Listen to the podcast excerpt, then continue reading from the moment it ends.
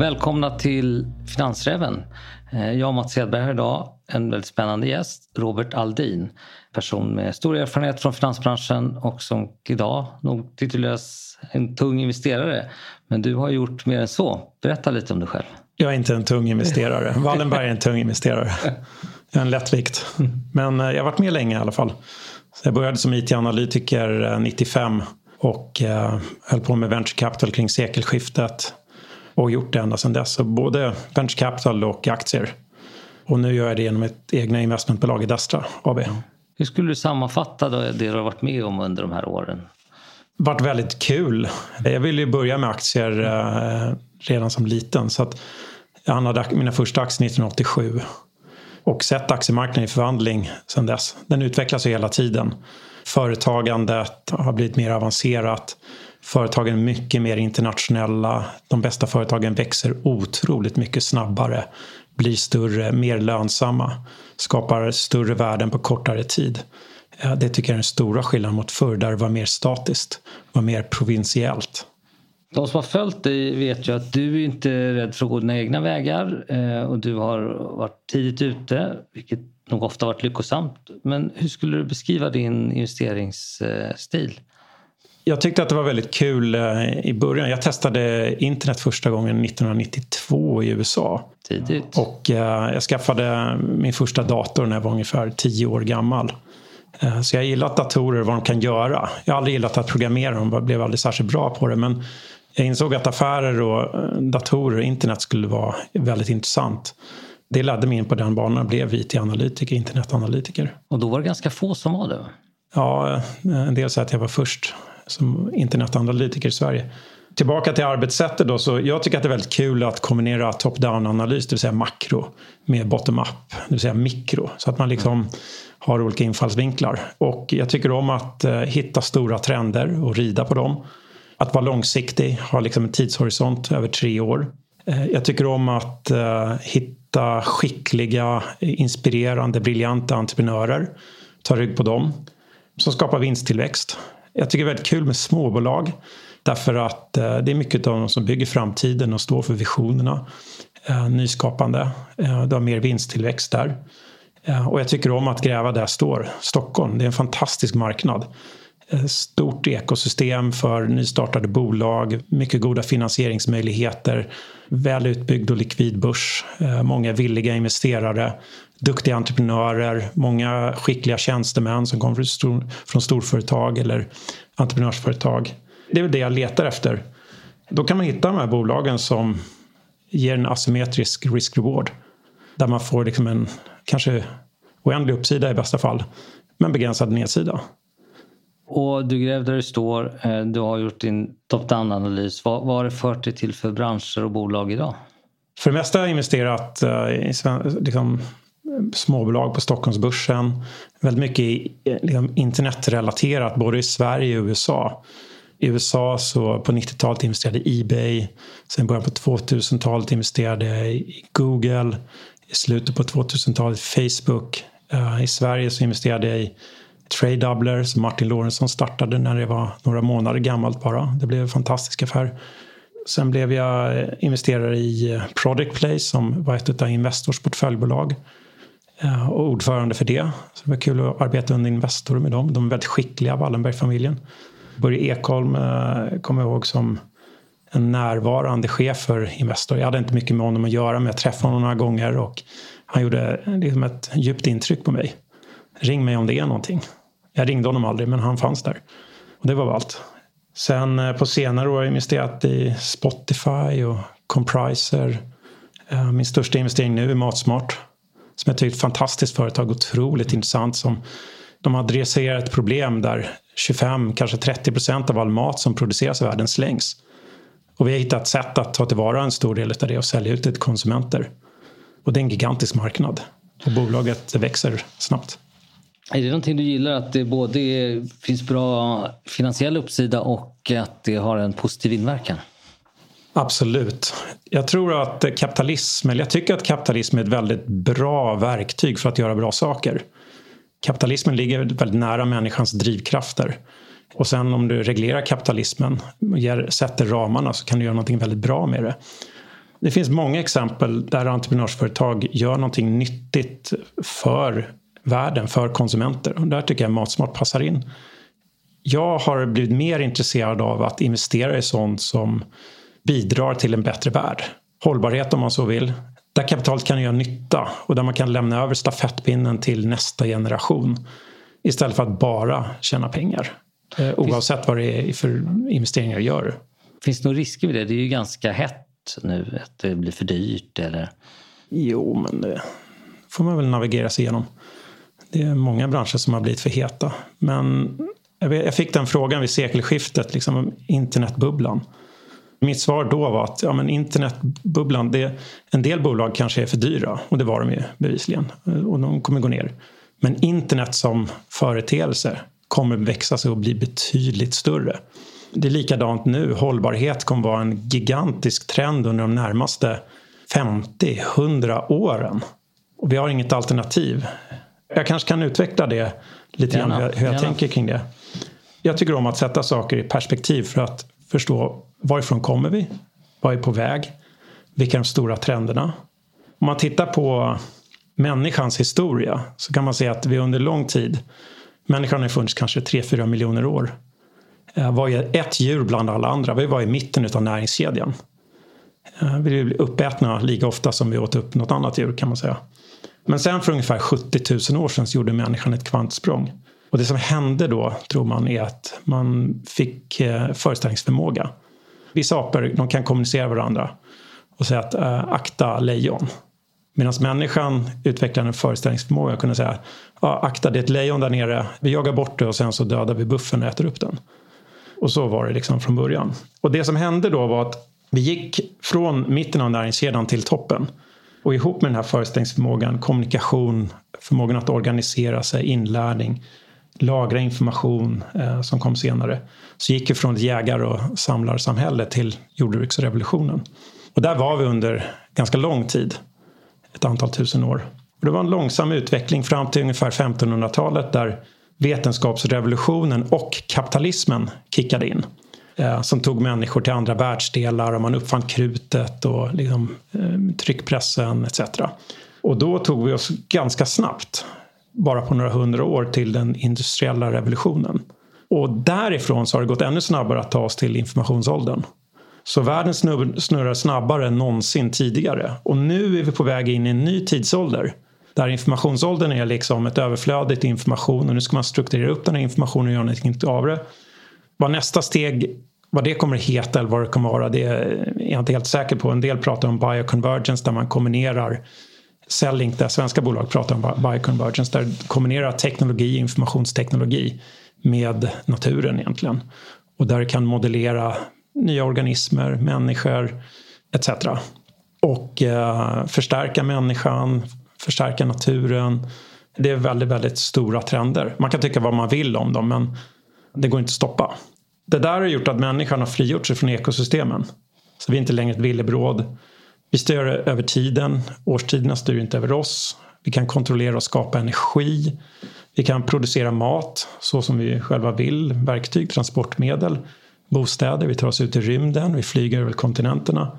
Vi har byggt datorer som producerar, beräknar, lagrar, distribuerar information. Och vi har reducerat arbetstiden, eller åtminstone den potentiella arbetstiden. Vi behöver inte jobba särskilt många timmar idag för att få föda på bordet.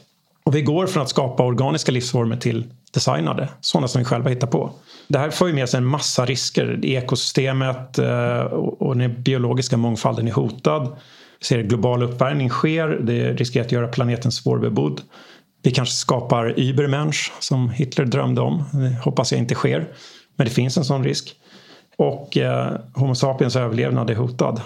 Vi har skapat atombomber som kan förinta det mesta. Men kärnvapen är också ett kollektivt självmord så det har blivit lite paradoxalt nog att det här har tagit ner antalet konflikter i världen så det är inte så intressant att kriga för att vinna mark och naturtillgångar utan det som har blivit mer intressant är information för den är mycket mer värdefull.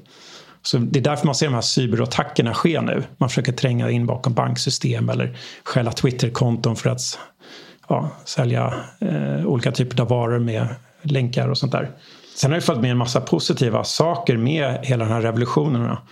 Det är liksom, vi är fler människor, om det är nu positivt eller inte vet jag inte men ökad medellivslängd, låg barnadödlighet, minskad svält, minskad fattigdom, ökat välstånd, historiskt lågt våld etc. Jag nämnde att krig är mindre lönsamt. Eh, om man tittar på ett längre perspektiv så har vi mindre krig och, och så. Så att det finns många positiva saker med det här men världen är i omvälvning och det medför att det är massa stora trender som vi måste förhålla oss till och kanske planera inför.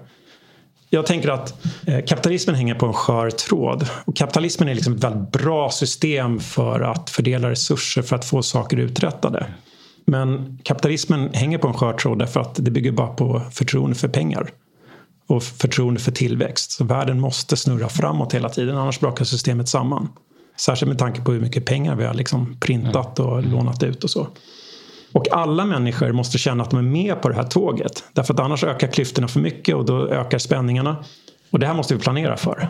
Där faller ett tyngre ansvar på liksom världens ledare oavsett om de är kapitalister, företagsledare, politiker eller andliga ledare. Mm. Att måla upp en bild för mänskligheten. Vart vi är på väg och vilka begränsningar vi ska sätta. Det går inte att stoppa utvecklingen men vi kan tämja den och vi kan sätta ramverket för den vi är liksom födda till den här vackra planeten och eh, vi måste lämna en stafettpinne vidare till nästa generation och göra någonting bra. Och skapa mening av våran tid som är här. Inte bara maximera vår eget välbefinnande utan faktiskt skapa mening för oss själva och, för, och en bättre värld för andra. Och då tycker jag så att hållbarhet är ett uttjatat ord för många men det är mycket större än att liksom bara prata om global uppvärmning och koldioxid. Det är mycket fler grejer. Det här är en stark rörelse kommer skapa nya villkor för kommande generationer och för nuvarande. Det genomsyrar politik, konsumtion, affärer och det går in i liksom reducera fattigdom, reducera svält, hälsa, utbildning, jämställdhet, rent vatten, livet uppe på land som FN pratar om och livet i vattnet. Se till så att arterna lever vidare och att de frodas så att vi har någon typ av ekologisk balans. Det skapar liksom massvis av affärsmöjligheter. Massvis med utmaningar men det är också mycket det som företagande går ut på. Att ta, ta vara på de utmaningar och problem som finns. Skapa affärer utav det och göra någonting bättre. Medvetenheten eh, bland människorna har ökat om de utmaningar vi står inför. Och det är väldigt bra. Och det gör också att vi har bättre möjligheter att skapa någonting gott av det här. Att inte bara skapa problem för oss själva. Och om man delar upp det här som du pratar om, eh, hållbarheten och det. Vilka branscher tror du vi kommer se och vilka kommer att ha, ha stor tillväxt? Alltså allting kokar ner till informationsteknologi och hållbarhet. I någon mening liksom bioteknik också då, men där är inte jag. Det är inte mitt område utan jag ser väldigt mycket möjligheter inom informationsteknologi och, och hållbarhet. Så inom klassisk informationsteknologi som tidigare varit en bransch men som nu genomsyrar alla branscher så har du stora trender inom artificiell intelligens, förstärkt verklighet, big data, applikationer inom alla möjliga områden. Om du tittar på teknologi som möjliggör nya typer av transportmedel som drönare med eh, liksom, olika typer av eh, hybridflygplan med vertical take-off. Mm. Elon Musk gör rymdraketer, elektriska bilar. De grejerna kommer att öppna upp fantastiska möjligheter. Om man kollar på energi så har vi en, eh, en successivt fallande produktionskostnad. Därför att det blir billigare med solenergi och det har blivit bättre att lagra energi så man kan ta tillvara på energi som produceras under så att säga fel timmar under dygnet. Eh, och sen distribuerar den vid andra timmar när den konsumeras. Ehm, om vi tittar på livsmedel så har mycket av livsmedelsbranschen gått ut de senaste 50 åren på att reducera svält. Och det har man nästan lyckats med. Men nu kommer de närmaste 50 åren inom livsmedel handla om att göra det hållbart. Därför att den djurhållning vi har idag funkar inte. Vi har börjat slå i taket på produktivitetsförbättringar för jordbruket. Och när vi har en växande medelklass, fler vill ha kött, så kommer åkermarkerna och, och eh, grödan inte räcka till för att föda upp så många djur eh, som behövs för att skapa kött för människorna. Och därför måste det fram alternativa alternativ, alltså organiskt kött eller labbproducerat kött eh, som tär mindre på resurserna. Det kommer också komma in, det finns redan nu frågor om liksom djurens rätt där man skollar grisar levande eller inte sköter. Man kommer se på dagens djurhållning som man ser på slaveriet idag. Det är liksom inte hållbart. Det är inte okej. Okay. Min kollega Christian han var besökte Scandi Standards farm i samband med börsnoteringen och frågade hur var det då? Ja, det var ett koncentrationsläge för kycklingar. Det var liksom hundratusentals kycklingar i en stor lokal som föstes till ett band. Och som sen sövdes. Sen åkte de eh, in i en maskin som hängde upp dem upp och ner. Klippte av huvudena, sen vingarna. Doppade ner dem i syrabad, eh, eller vad det nu var. Sen åkte fjädrarna av automatiskt. Och sen ut kommer bara ett par fötter. Och sen så låg allting förpackat liksom som filéer eller kycklingvingar. Lite obehagligt. Ja, väldigt. Och då efter det så ska Scandi Standard bjuda på lunch då för ett antal olika förvaltare. Men det var några som inte var hungriga längre så att det, jag tror liksom att sådana här frågor kommer konsumenterna bli medvetna om. När alternativen blir bättre. Eh, när kycklingkött kan produceras organiskt eller labbodlat. Och det är lika gott, lika bra textur tuggmotstånd, samma smak eller bättre och samma eller lägre pris så kommer konsumenterna välja det före. Och det här kommer ske liksom i hela köttindustrin. Helt klart. Det är därför Scandi Standard inte lyfter. För det är en sån här aktie som eh, ofta rekommenderas. Ja men alltså, vill du äga en kycklingfarm efter den här berättelsen? Jag vill inte göra det. Jag har inte investerat i det. Jag, jag, tror inte att det är framtiden. Utan då, då, då är det nog bättre att köpa Impossible Foods eller Beyond Meat. Men jag tycker liksom att det är ett exempel på hur framtiden kommer te sig. Spotify disruptade ju hela CD-branschen och piratkopierat och de ville skapa en produkt som var bättre än, än de alternativen. Och det använder ju människor idag, föredrar det. Det är en bättre produkt till ett bra pris.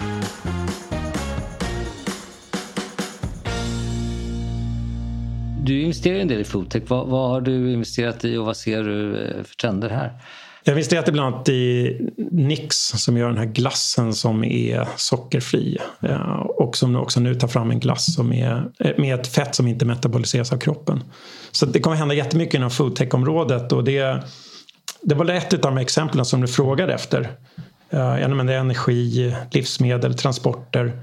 Jag, jag tror liksom det kan hända mycket inom bioteknik tar, jag nämnde bioconvergence och där övergripande målet inom biotekniken är ju att skapa evigt liv. Uh, Gud förbjuder det, skulle jag säga. Mm. Menar, uh, I någon mening så döden som Steve Jobs sa var, är ju livets bästa uppfinning. Mm. Och om vi har evigt liv då blir vi aldrig av med Putin och Trump. Det är självreglerande som det är nu. Och dessutom får vi befolkningsfrågor och sånt där eh, att tampas med. Men det är en viktig trend. Vi ser att human enhancement är en viktig trend som kommer ske framöver med bioengineering och där du kan koppla ihop datorer med din hjärna eh, där du kan förstärka delar av din kropp. Det pågår ju redan nu. Men så i dess enklaste form så unga tjejer som sprutar in olika medel i sina läppar för att göra dem större eller eh, sådana typer av saker. Eh, det finns ju doping idag som man förbjuder inom idrottsrörelsen och även liksom med lagar. Så kommer vi tillåta det här att man förstärker hjärnor med AI eller uppkopplade hjärnor man minns bättre eller kan beräkna snabbare. Det går inte att stoppa utvecklingen men vi måste förhålla oss till den och vi måste reglera den för annars blir det okontrollerbart och världen kommer snurra alldeles för snabbt. Jag tror en annan trend eh, är konsumism i en ny tid. Hela kapitalismen bygger ju på tillväxt hela tiden. Och eh, om man tittar på till exempel ett företag som H&M har ju uppmanat till och designat produkter för att de ska vara kortlivade för att det bygger deras affärsmodell på. Men det tror inte jag är hållbart i framtiden utan vi kommer få se andra affärsmodeller som inte medvetet, inte medvetet syftar till design som bara lever kort utan faktiskt att man gör för att det ska hålla längre. Mm. Och där man kanske hyr ut kläderna eller lånar ut dem via olika appar och sånt. Det är bara ett exempel. Mm. Jag tror att det mesta av det här kokar ner till digitalisering och hållbarhet som stora, stora trender. Och det övergripande målet för mänskligheten måste ju vara att skapa en antifragil civilisation som klarar att stå emot chocker och som blir starkare och som går i samklang med naturen där, den, där du inte bryter den ekologiska cirkeln så att säga.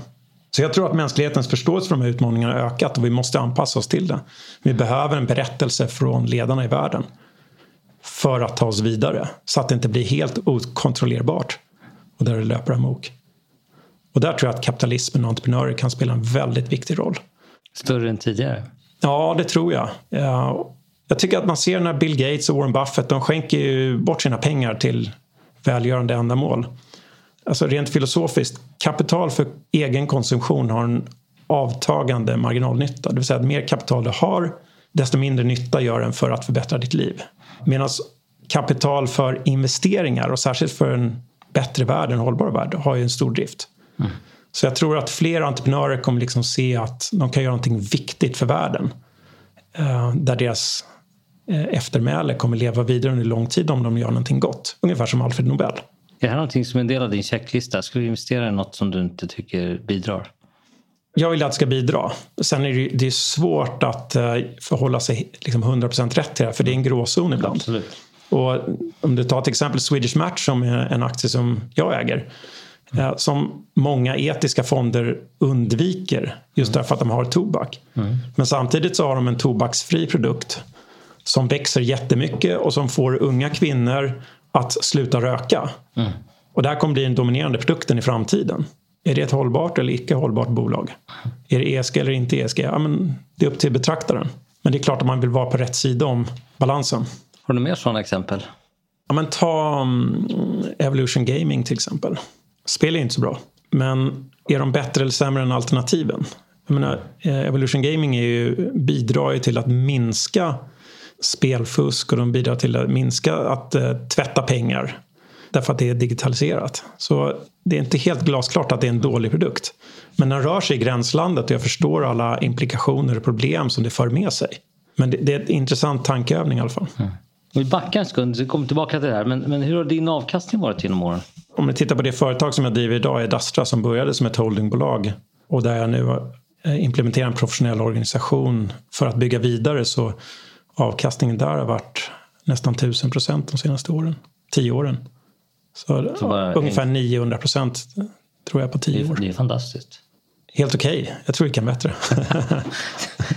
Får försöka. Jag anar en viss girighet här. um, det, det, låter väldigt bra tycker jag. Um, kan du ge några exempel på, på det som varit, eh, något tänk som varit väldigt lyckat här? Eller är det att vara konsekvent? Jag tyckte det var kul då, eh, när jag köpte Facebook ett halvår efter börsintroduktionen. De kom ut på lite drygt 30 dollar. Aktien var missförstådd. Eh, den föll ner till 18-19 dollar inom loppet av sex månader. Och det här var eh, någonstans innan 2010. Och eh, Facebook växte snabbt men eh, det, det, var ett skifte från desktop till mobil och många utmålade mobilen som ett eh, problem för Facebook. Menade på att annonsformatet är mindre, de kan inte ta lika mycket betalt etc. Men det var ju rent nonsens tyckte jag för att var det någonstans de kunde få ut mer värde så var det mobilen för de visste var du befann dig och du, du använde mobilen mycket mer jag kände att där kommer de kunna ta ut mer betalt i längden. Så det var ganska lätt att räkna på Facebook och komma fram till att den är minst värd sin IPO-kurs. Så den gick jag in i. En annan grej som jag tyckte var... Har du kvar den? Jag sålde dem ett tag, sen fick jag ta igen dem lite dyrare. Mm. Eh, men jag har kvar dem. En annan som jag köpte i början på 2000-talet var eh, när jag fick eh, Googles affärsmodell förklarad för mig. Jag förstod, det var, det var ju guld. De satt på guld. Så jag köpte aktier något halvår eller ett år efter att de börsnoterades. Jag har kvar de aktierna. Men det var en fantastisk historia när jag fick den berättad. Och jag tycker fortfarande att det är det. Men det är klart att även där, solen har sina fläckar och söker någonting där människors innersta egentligen exponeras och monetiseras. Och där tror jag att eh, konsumenterna kommer bli mer medvetna och kanske välja bort Google på sikt till annonsfria alternativ. Det blir intressant att se. Har du några förebilder som du hämtar inspiration från? Ja, det har jag absolut. Och jag hämtar väldigt mycket inspiration från författare eh, inom olika områden. Psykologi eller världsåskådning, eh, managementlitteratur eh, etc. Jag tycker Kjell och Nordströms eh, bok Funky Business i slutet på 90-talet var fantastisk. Eh, han pratade om att konkurrensfördelar får man om man är annorlunda. Och det gäller fortfarande. Och för att vara annorlunda måste man utgå från hur människor tänker istället för vad organisationer gör. Och det gäller fortfarande. Eh, sen gillar jag den här boken Zag av Martin Neumeier som pratar om hur man bygger världens bästa eh, varumärken. Brands på engelska. Eh, och han menar på att brand is not what you say it is, it is what they say it is. Jag tycker det, den är en fantastisk bok. Uh, jag läste en bok av den här Toby Walsh 2062. Världen som uh, The World That AI Built. Och han menar på att människans IQ är inte linjärt och därför går det inte att efterlikna. Så vi behöver inte vara rädda för att AI tar över världen och utsmartar människorna. Väldigt intressant bok att, att läsa. Sen tycker jag Daniel Kahneman, Nobelpristagaren, hans bok Tänka snabbt och långsamt är intressant. Eh, därför att det är konceptet mellan liksom egentligen kognitivt tänkande och automatiskt känslomässigt tänkande och hur man kan använda båda de där till sin fördel. Den är viktig när man tar beslut kring aktier tycker jag. Eh, det är väldigt svårt att vara disciplinerad och hålla sig fast vid en åsikt mm. när man investerat i ett bolag. Sen eh, mer kring inspiration. Många pratar om Warren Buffett. Men jag tycker Peter Lynch är en förebild. Eh, han pratar ju väldigt mycket i Invest. Invest in what you know, local knowledge. Mm. Han letade investeringar i vardagslivet. Han var väl en av de som myntade det här uttrycket GARP, Growth at a reasonable price. Han var mindre intresserad av timing. Han letar efter ten baggers, aktier som kan gå upp tio gånger. Mm. Och det tycker jag är jättekul att leta efter sådana. Man hittar dem inte så ofta men ibland så kanske man hittar dem och då, då blir man väldigt glad. Då måste jag, måste jag stoppa där. Någonting som jag tror många, inklusive undertecknaren, har ibland problem med det är att om man, man lyckas göra en bra investering och så går den hitta på då, 300-400 procent. Och så är man så jävla nöjd. Och så säljer man den för tidigt. Så tittar man efter ett tag och så har den gått liksom par hundra procent till. Va, va, har du några knep där hur du jobbar? Eller, eller bara hänger du bara kvar? Det är jättesvårt. Alltså jag har ju misslyckats många gånger där jag tagit hem en vinst för tidigt. Och ibland har jag lyckats hålla i det länge. Men det ligger ju i människans natur att göra det som är bekvämt och känns bra. Och att ta hem en vinst känns bättre för de flesta än att ta hem en förlust. Mm. Man behåller förlusterna för att man inte slutar hoppas och man behåller vinsterna, eller tar hem vinsterna för att det känns bra att ta hem en vinst. Så det där måste man kämpa emot. Eh, och, och, man kan ju se det på investeringar att ju, kortare, ju snabbare du vill bli rik desto mindre är dina odds i din favör. Så att eh, om du vill snabbt bli rik, då ska du nog köpa en massa lotter. Men då är oddsen extremt låga. Och eh, om du håller på med optioner så är det för att bli, liksom tjäna pengar snabbt. Men då är också oddsen helt klart inte i din favör. Medan om du investerar i Investor, ja då kommer du vara rikare om tio år. Det är nästan skrivet i sten.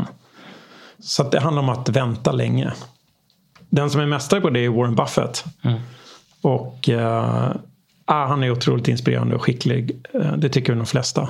Jag var i London en gång 1998 där han var talare på en eh, liten lunch. Och eh, han klev upp på scen och så skulle han eh, testa micken så han dunkade på den så här. Och så sa han One billion, two billion, three billion. Can you hear me? Och så började alla i publiken att skratta. Och jag tog hem den här historien till Stockholm och berättade den för bland annat Johan Stahl från Holstein då, vid sekelskiftet. Och så arrangerade jag ett uh, seminarium på Kina-teatern där han var en av talarna. Kjell Nordström, någon annan, jag tror Hjalmar Winblad. Och så gick Johan upp på scenen och så skulle han testa micken. Sa, en miljard, två miljarder, tre miljarder. Kan ni höra mig? Men det var ingen som fattade hans skämt. Jo, en. ja, kanske.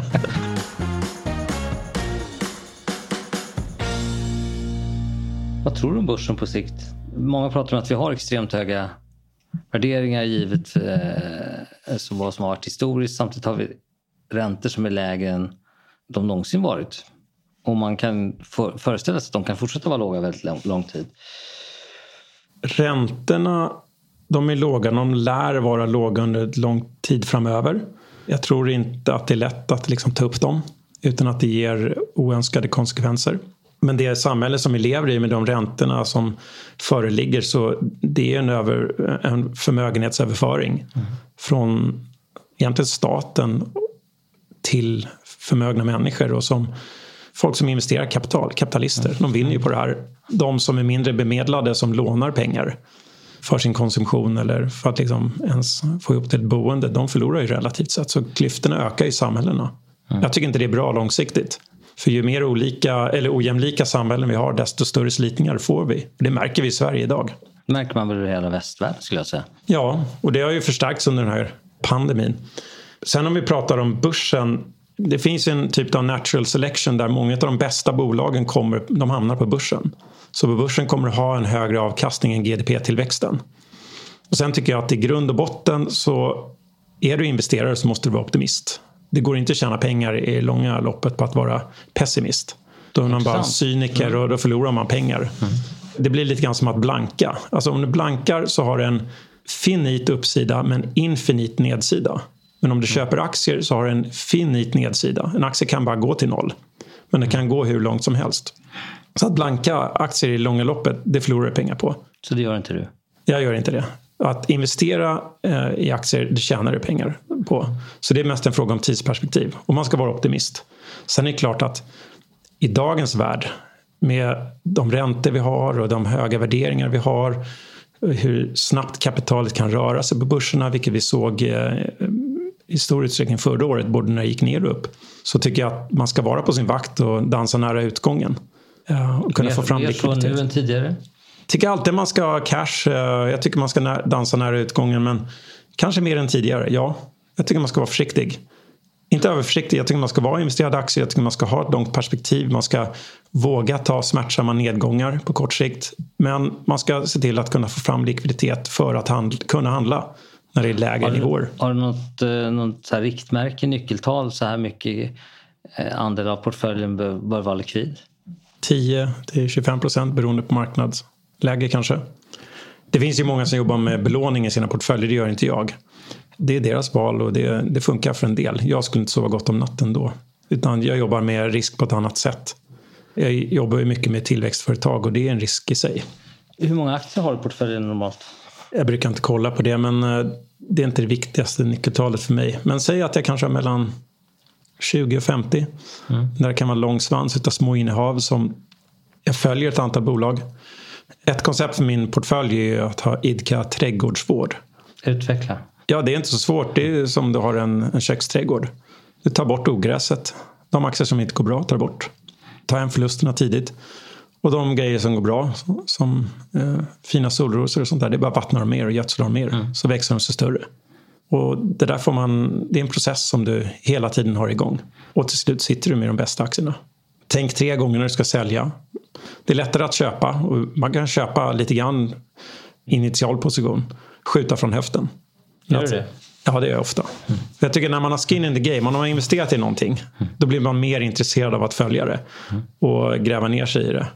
Men man ska inte gräva ner sig för djupt därför att om man lär sig för mycket om aktier så eh, då är det lätt att eh, man blir liksom gift med den. Vad har du för favoritaktier nu? Jag kan ge några exempel på branscher och, och, och bolag som jag tycker är intressanta. Gärna.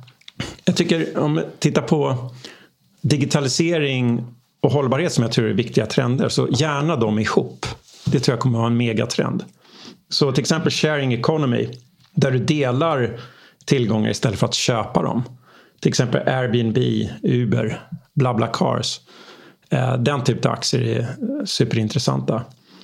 Sen kan du titta inom digital hälsovård. Där kommer det hända jättemycket då med telemedicin, virtuell vård, Kry. Nu är inte det ett noterat bolag men det kommer jag, tror jag kommer växa jättemycket. Väldigt bra gränssnitt. Patienterna gillar det mycket.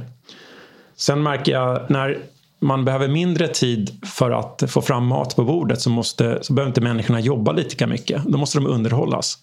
Och där ser man liksom hur sociala medier och spel gifter sig i till exempel Roblox. De ska gå in på börsen strax.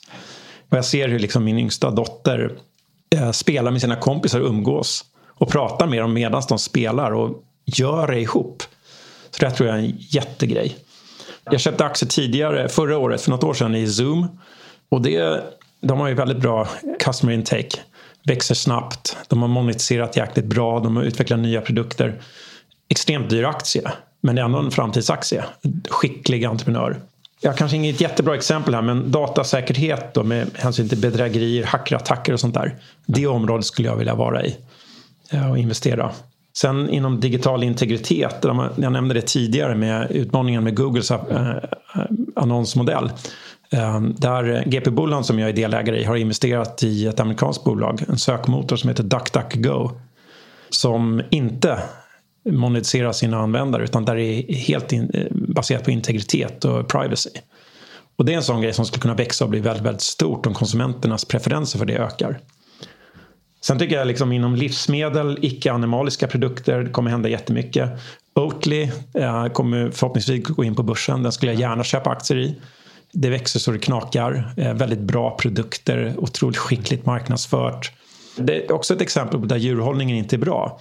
Visst, jag dricker mjölk och jag dricker Oatly. Men det är inte okej okay, liksom att det föder upp kalvar, eh, tar bort dem från mammorna för att de ska kunna producera mjölk till människor. Det är inte hållbart i längden. Om alternativen är bättre så kommer de bättre alternativen att vinna. Sen tittar vi på livsmedel. Eh, jag nämnde att jag investerat i Matsmart. Där tror jag liksom att det kan hända jättemycket kring effektivare distribution, reducera svinn, enklare att klicka hem mat. Där kommer hända jättemycket. Sen om man tittar på nya transportsätt. Eh, jag tror det är ett tyskt bolag som heter Lilium som gör eh, en typ av hybridflygplan då, som kan göra vertical take-off. Och där är på sikt med då batterier och liknande kan revolutionera hur transporter sker i städer och på korta distanser. Nu är det ett privat bolag då, men sen om vi kollar på Stockholmsbörsen, hållbar, eh, hållbar produktion och drift av fastigheter. Jag äger lite aktier i K2A mm. som drivs av en oerhört skicklig entreprenör, Johan Knaust. De vinner väldigt många upphandlingar för att de är miljövänliga i hur de producerar och driver sina fastigheter. Mm. Det är ett sånt bolag som jag tror kommer dra till sig ett ökat intresse i framtiden. Jag har investerat i ett bolag som heter Rolling Optics som gör en typ av 3D-teknologi. Tänk hologram fast mycket, mycket vassare. Väldigt billigt att producera. Kan användas för att eh, sättas på läkemedelsförpackningar för att minska falska läkemedel. Sättas på varumärken för att eh, ta bort plagiat. Du kan sätta det på sedlar för att eh, minska risken för att de blir förfalskade. Det här är ett tidigt bolag. Aktien har dragit rätt mycket men det är väldigt, väldigt spännande. Om man tittar på lite mer traditionella. Jag tycker Probi som gör eh Eh, produkter för en friskare tarmflora. Väldigt intressant. 80% av immunförsvaret sitter i tarmfloran sägs det. Sen har jag investerat sedan länge i Mikrosystemation AB, MSAB. Som gör produkter för ett rättssäkert samhälle i en digital tidsålder. Där är jag besviken på att bolaget inte växer snabbare trots möjligheterna.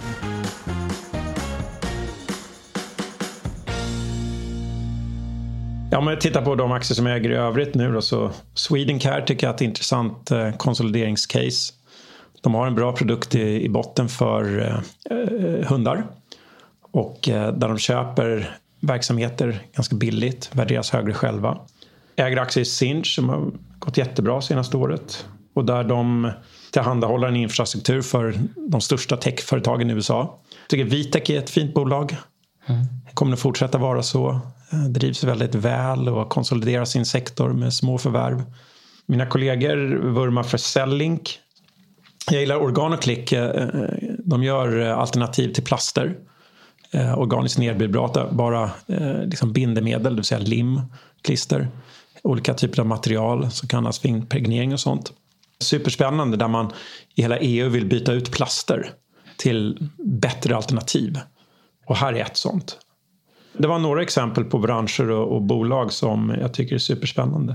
Ja, det var verkligen generöst. Men eh, om man tar för, för någon som inte är jätteintresserad av aktiemarknaden så skulle jag säga att om man ska köpa eller investera i, eh, på lång sikt så då köp investmentbolag. Mm. Extremt låga förvaltningskostnader, ofta väldigt kapabla eh, ledare i de företagen. Historiskt sett har det varit fantastisk investering för hela den branschen. Nästan alla bolagen i sektorn har gått upp en längre tid. De erbjuder en väldigt bra riskspridning. Ofta fina företag, bra metodik. Så att det, för de som inte är så intresserade så är det bättre att köpa investmentbolag än fonder. Du nämnde inte du nämnde K2. Är, är du övrigt investerad i fastigheter? Nej. Är det några aktier som du så här, tycker de här är extremt övervärderade som du eh, skulle undvika? Många frågar mig om Tesla. Jag har inga aktier i det. Alltså det man ser i dagens värld är att aktiemarknaden har förändrats. Mm. Det är en kontinuerlig liksom, utveckling. Aktiemarknaden för kanske 30-40 år sedan eh, var förbehållet de få som kunde finansiell analys. Där du kunde titta på resultat och balansräkning och förstå dem. På den tiden så var det mer ren aritmetrik i hur du värderade bolag. Det här bolaget har 100 miljoner i kapital, börsvärdet 80 miljoner. Jag köper det, får en margin of safety på 20 miljoner och sen så växer de. Och så var det då. När liksom den marknaden blev mer perfekt, när konkurrensen, det kom in fler som investerade i aktier, så var det inte lika lätt att hitta den typen av case längre. Så då började man leta efter unik information för att kunna värdera den, hitta liksom nya möjligheter. Sen när jag kom in i branschen på 90-talet ja, då hade de ju förbjudit unik information, det vill säga inside-information. Och det handlade mer om att hitta information som liksom små delar som inte var inside-information men där du kunde göra andra antaganden och göra nya prognoser och värdera på ett annat sätt. Och det är inte lika lätt längre. Nu har företagen blivit mer professionella och mer eh, vad ska jag säga, tvålformade i hur de eh, sprider sin information. De har väldigt stort egenintresse att hålla upp aktiekurserna, sprida samma information till alla.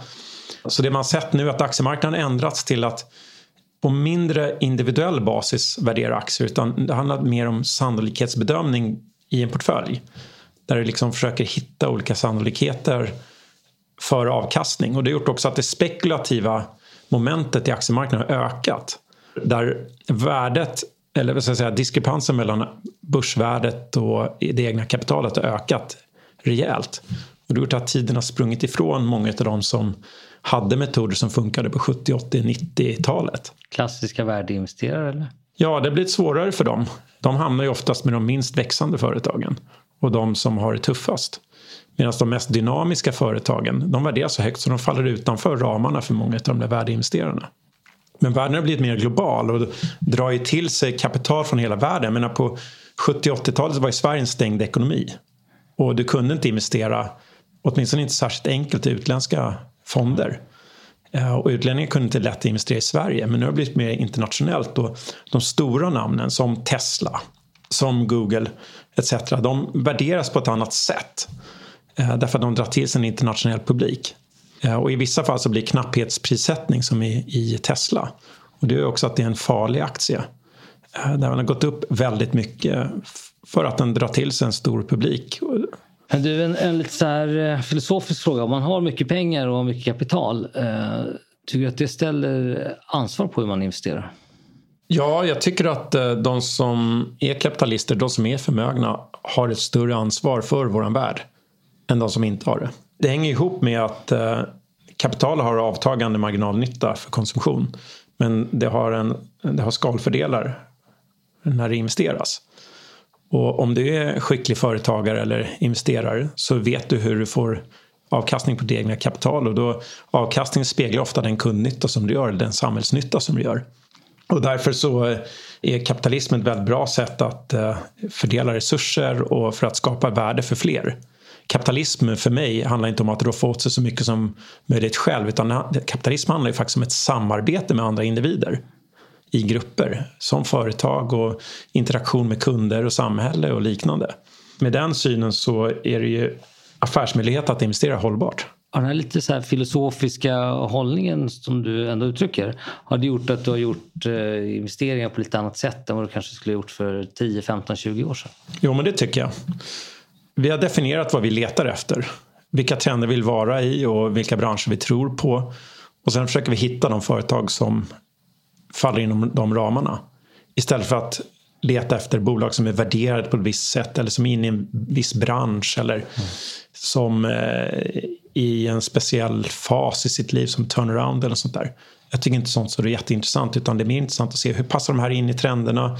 Gör de nytta för liksom samhället så kommer de i större utsträckning efterfrågas av konsumenter. Men jag märker också att politikerna i större utsträckning reglerar förutsättningarna och det behövs därför att kapitalismen i sig är en väldigt bra drivkraft och ett bra verktyg. Men kapitalismen tar inte hand om sånt som att ordna brottslighet eller ta bort våld. Sådana saker. Det måste staten och demokratierna göra. Och det innebär också att kapitalismen kommer inte skapa en hållbarare värld. Utan den kommer göra det ifall staterna kräver det.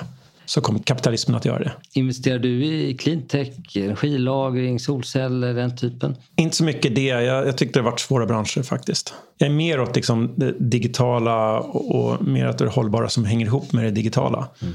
Sen ibland så, det, det ena utesluter inte det andra, men gärna de ihop. Det är ganska få case än så länge. Noterat jämfört med onoterat. Du är inne i båda delarna. Ja, jag tycker att det är en... I den privata sfären så gör man en investering, sen kan man inte lätt komma ur den. Och då måste man ha långsikt i sina beslut. Man måste jobba nära bolagen, man måste utveckla produkten. Så man, och organisationen och, och ledarskapet. Och det gör att man blir mer långsiktig. Och det tycker jag är väldigt, väldigt bra. Och det kan man ta med sig till den publika sfären. När man utvärderar bolagen. Sen från den publika sfären så blir man väldigt skicklig på att se mönster i hur företagen värderas. Och du ser många branscher och företag är det finns en transparens där de öppnar med sina räkenskaper så kan jämföra och ta med det i den privata sfären. Så det finns en korsbefruktning som jag tycker är oerhört eh, intressant. När du går in i onoterat eh, eller din organisation, går ni in också och jobbar med bolagen? Ja, det har jag gjort, absolut. Jag har varit ledamot i flera styrelser och ordförande i ett par. Och det tycker jag är jättekul. Alltså entreprenörer är ju väldigt inspirerande att jobba med skickliga, kapabla människor som ofta är visionära och eh, drar till sig andra skickliga människor. Så det, det, är en helt annan sak än att jobba med tjänstemän. Jag var ju aktieanalytiker och aktiemäklare under många år och då hade man med många av de tråkigaste typerna att göra, bortskämda förvaltare.